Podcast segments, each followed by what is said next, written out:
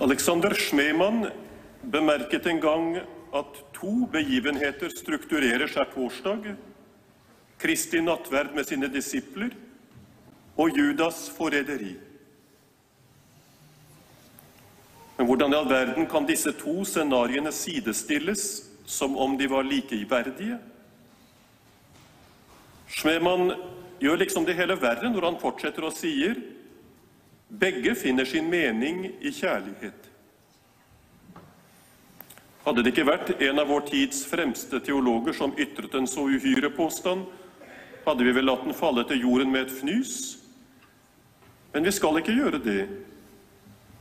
Følger vi Schmemanns resonnement, trenger vi inn i kjernen av åpenbaringen. Og da møter vi skjærtorsdagsmysterium som noe levende og reelt, som mitt livs drama, og ja, som deres livs drama.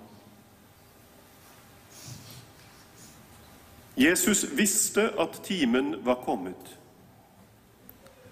Vi vet hvilken rolle den timen spiller i Jesu virke. Vi møter den helt først i evangeliet ved bryllupet i Kana, når Jesus sier til sin mor, 'Kvinne, hva ber du meg om? Min time er ennå ikke kommet.'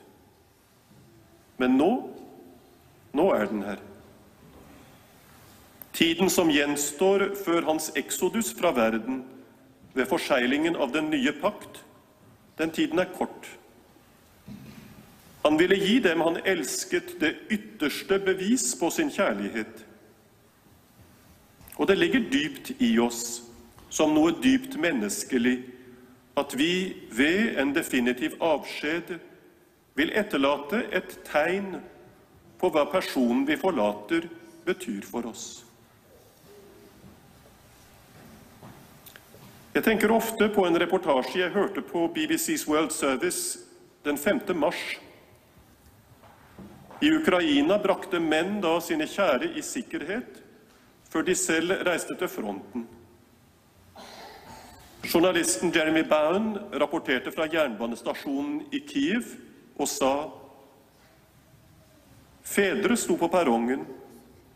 De ventet på å ta avskjed med sine familier. En mann ved navn Alexander sto og hulket i vente på togets avreise. Han hadde brakt kone og to barn om bord.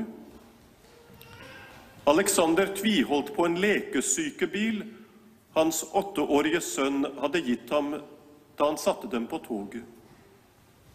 Han lyttet til sirenen igjen og igjen. Hele krigens hjerteskjærende virkelighet sto skrevet på én manns ansikt. Etter å ha hørt den reportasjen kan jeg ikke glemme Alexander.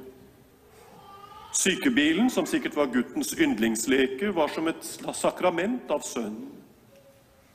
Da de tok avskjed, ville barnet gi den til pappaen sin for å vise at han elsket ham, og for å la faren i fraværet beholde noe av ham selv. Det som skjer i kveld ved Herrens nattverd, er tilsvarende. Jesus utfører to særegne handlinger. Handlinger som ved sin symbolikk taler til forstanden og intellektet.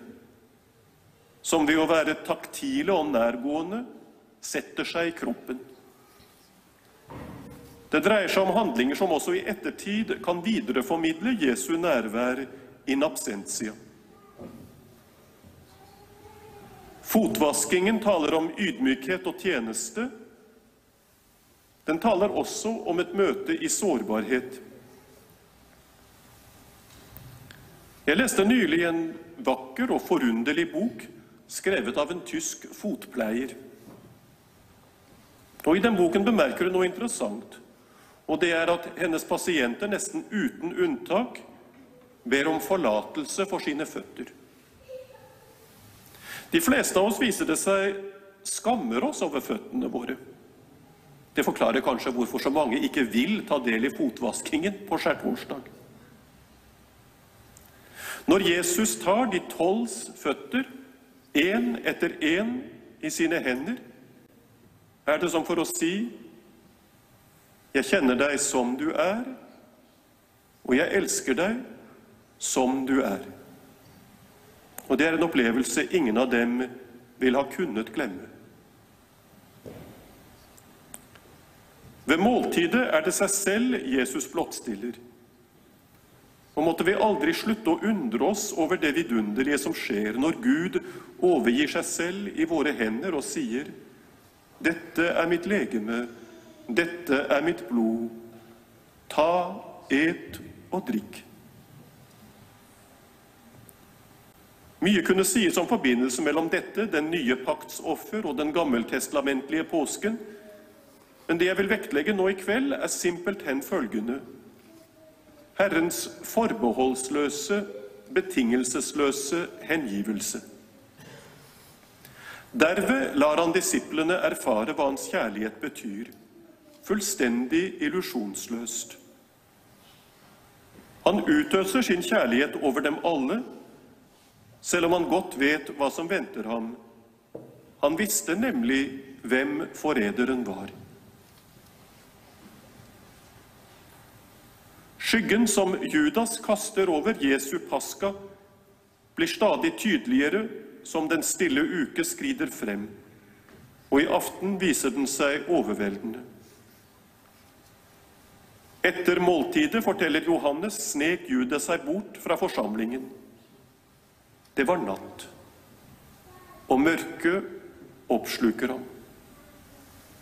Men lyset skinner i mørket.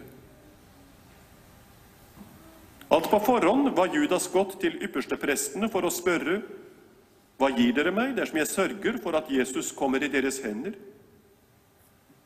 Det var jo også han som hadde kassen i fellesskapet, forteller Johannes. Judas synger den greske kirke på skjærtorsdag. Judas hadde hengitt seg til filarguria, det vil si at han var en som elsket sølv. Og det er her Schmemanns innsikt, som jeg refererte til innledningsvis, viser seg sin fylde. Den ortodokse teologen bemerket det spiller ingen rolle at det Judas elsket, var sølv. Penger står her for enhver pervertert eller misformet kjærlighet som fører mennesket til å forråde Gud. Ja, det er kjærlighet stjålet fra Gud, og Judas er derfor en tyv. Også når det ikke elsker Gud eller utlever sin kjærlighet i Gud, elsker mennesket, for det ble skapt for å elske. Kjærligheten ligger i menneskets natur, men løsrevet fra Gud blir kjærligheten til en mørk og selvutslettende lidenskap med døden som mål. Hvert år når vi trer inn i skjærtorsdags utgrunnelige lys og dybde, rettes samme vesentlige spørsmål til hver og en av oss. Svarer jeg på Kristi kjærlighet ved å motta dem som grunnlaget for min tilværelse, eller Eller følger jeg Judas inn i hans natts mørke? Ja, Elskede brødre og søstre, det er valget som vi må ta stilling til. La oss da velge rett. La oss tillitsfullt overgi våre føtter og dermed alt vi skammer oss over, til Jesu kjærlighets rensende kraft. Og la oss motta livets brød helhjertet, for virkelig å leve ved det. Fra gammelt av ber Kirken i dag en bønn som lyder slik.